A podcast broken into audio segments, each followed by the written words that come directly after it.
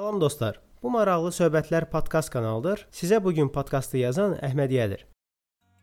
Kanalımızın əsas məqsədi faydalı məlumatları sizə maraqlı şəkildə çatdırmaqdır. Bugünkü mövzumuz manipulyasiya etməyin 12 yoludur. Güman edirəm sizə maraqlı olacaq. Beləliklə manipulyasiya etməyin 12 yolu. 1. Danışanda başınızı aşağı-yuxarı əyə-əyə danışın.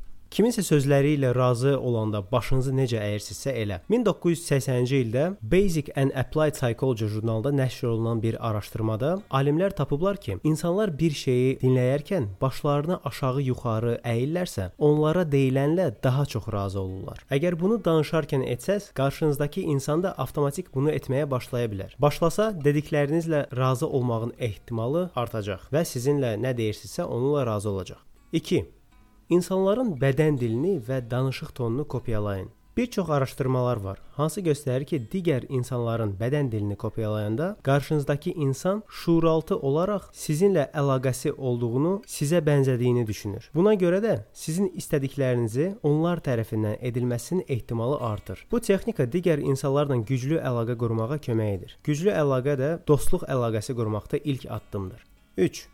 Kiməsə işiniz düşəndə, onlardan nəsə istəmək istəyəndə, bunu onlar yorğun olanda edin. Bunun səbəbi insanda həm fiziki, həm də zehni enerji səviyyələrinin tükənməsidir. Sadə dedikdə belə insan belə vaxtda kimlənsə dirəşməyə sadəcə axotu olmur. Razı olmaq ona daha rahat gəlir. Bunu təsdiqləyən araşdırma ilk dəfə marketinq araşdırmaları jurnalında çap olunmuşdur. Bu texnikanı nə vaxt istifadə edək? Məsəl üçün, müdirdən icazə almaq istəyirsinizsə, bunu ya iş saat bitməsinə yaxın, ya da nahardan sonra etməyiniz məsləhətdir. İcazəni müdir hansı hansısa görüşdən çıxandan sonra da ala bilərsiniz. Amma bu risklidir. Görüşdən sonra əsəbi də ola bilər. Əsəbi olsa böyük ehtimal sizə icazəni verməyəcək. 4. Danışanda insanların adlarını istifadə edin. Bir insanın adı onun üçün hər dildə ən şirin, ən vacib səsdir. Adımız şəxsiyyətimizin əsas hissəsidir. Buna görə onu eşitmək varlığımızı təsdiqləyir. Adımızı söyləyən şəxs haqqında daha müsbət düşünməyimizə səbəb olur. Məsəl üçün, sizdə elə olub ki, insanı ömrünüzdə 2 və ya 3-cü dəfə görürsüz və adını xatırlamırsınız. Amma qarşınızdakı insan adınızı xatırlayır. Bu sizi vacib və hörmətli hiss elətdirir. Sizdə xoş təəssürat yaradır. Elə deyilmi? 5. İnsanların dediklərini təkrarlayıb onlara qaytarın. Bunu edəndə qarşınızdakı insan inanır ki, siz onun istədiyini tam başa düşürsüz. Bu da sizə qarşı güvən yaradır. Bu reflektiv dinləmə adlanan ünsiyyət strategiyasıdır. Bunu edərkən sadəcə əmin olun ki, insana sadəcə mesajı geri qaytarırsınız. Eyni dediyi sözləri yox. Araşdırmalar göstərir ki, bu strategiya terapevtlər tərəfindən istifadə olunanda müştəri daha çox açılışır. Əsl emosiyalarını göstərir. Bir nümunə deyək. Fərz edək ki, kitab satırsınız. Müştəridən soruşursunuz ki, necə necə kitab axtarırsınız? O da deyir ki, sizə elə kitab olsun ki, maraqlı olsun, məni ağlatsın. Buna cavab olaraq da deyə bilərsiniz misal üçün. Hmm, aydındır. Elə kitab axtarırsınız ki, sıxıcı olmasın və ürəyinizə toxunsun. Düzdürmü? Mesaj eynidir. Sözlər fərqli. 6. Digər insanın istifadə elədiyi unikal sözləri tapıb cümlənizdə istifadə edin. Bu da yenə sizə imkan verəcək ki, qarşınızdakı insan sizə daha yaxın olsun. Unikal sözləri sizdən eşidəndə özü ilə oxşarlıq tapıb sizə daha çox güvənəcək. 7. Sürətli danışın. Sürətli danışmaq bəzən söhbət etdiyimiz insanın beynini qarışdırıb çaşdıra bilər. Dediklərinizi tam izləyə bilmədiklərinə və bunu etiraf etmək istəmədiklərinə görə sizinlə sadəcə razılaşacaqlar. Kiminləsə arqumentə girəndə sürətli danışsaz, sizə qarşı kontrargument hazırlamaq vaxtlarını əllərindən alıb üstünlük qazanacaqsınız. 8. Danışmazdan əvvəl gülümsəyin.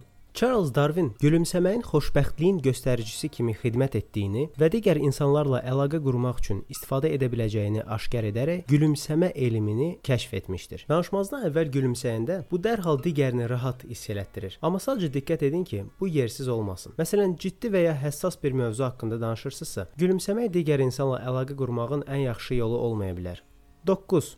Kimdənsə nəsə istəyərkən çünki sözünü istifadə edin. Çünki sözü beyni istəyin arxasında bir səbəb olduğunu düşünməyə məcbur edir. Bu sözün çox güclü psixoloji effekti var. 70-ci illərdə Langer adlı tədqiqatçı araşdırma nəticəsində tapmışdı ki, sözü istifadə edənlər 94% daha çox razılıq alırdı, nəinki istifadə etməyəndə. Araşdırmanın birini kafedə keçirmişdi. Bir nəfərə sadəcə deyilmişdi ki, sıranı pozub girsin kiminsə qabağına. Ondan soruşanda ki, niyə? Xeyr ola, sadəcə cavab verirdi ki, çünki tələsirəm. Cavab primitiv olsa da insanlar bunu qəbul edib buraxırdı özündən qabağa.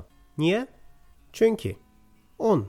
Fasilələr edin. Siyasətçilərin və natiqlərin çıxışlarında fasillərdən necə istifadə etdiyini görmüsünüzmü? Hər hansı bir böyük qərarı elan etməzdən əvvəl uzun bir fasilə edirlər və bununla dinləyicinin diqqətini və marağını çəkirlər. Kimsə sizə nəyisə danışanda da bundan istifadə edə bilərsiniz. Fasilə etsəz, xoşa gəlməyən sakitliyi pozmaq üçün qarşınızdakı insan daha çox danışıb məlumat verəcək sizə. Əgər kiminsə yalan danışdığını şübhələnirsinizsə, bu texnikanın mütləq istifadə edin. Sizi inandırmaq üçün çox şey danışacaqlar. Danışaraq da böyük ehtimal özlərini yandıracaqlar. 11.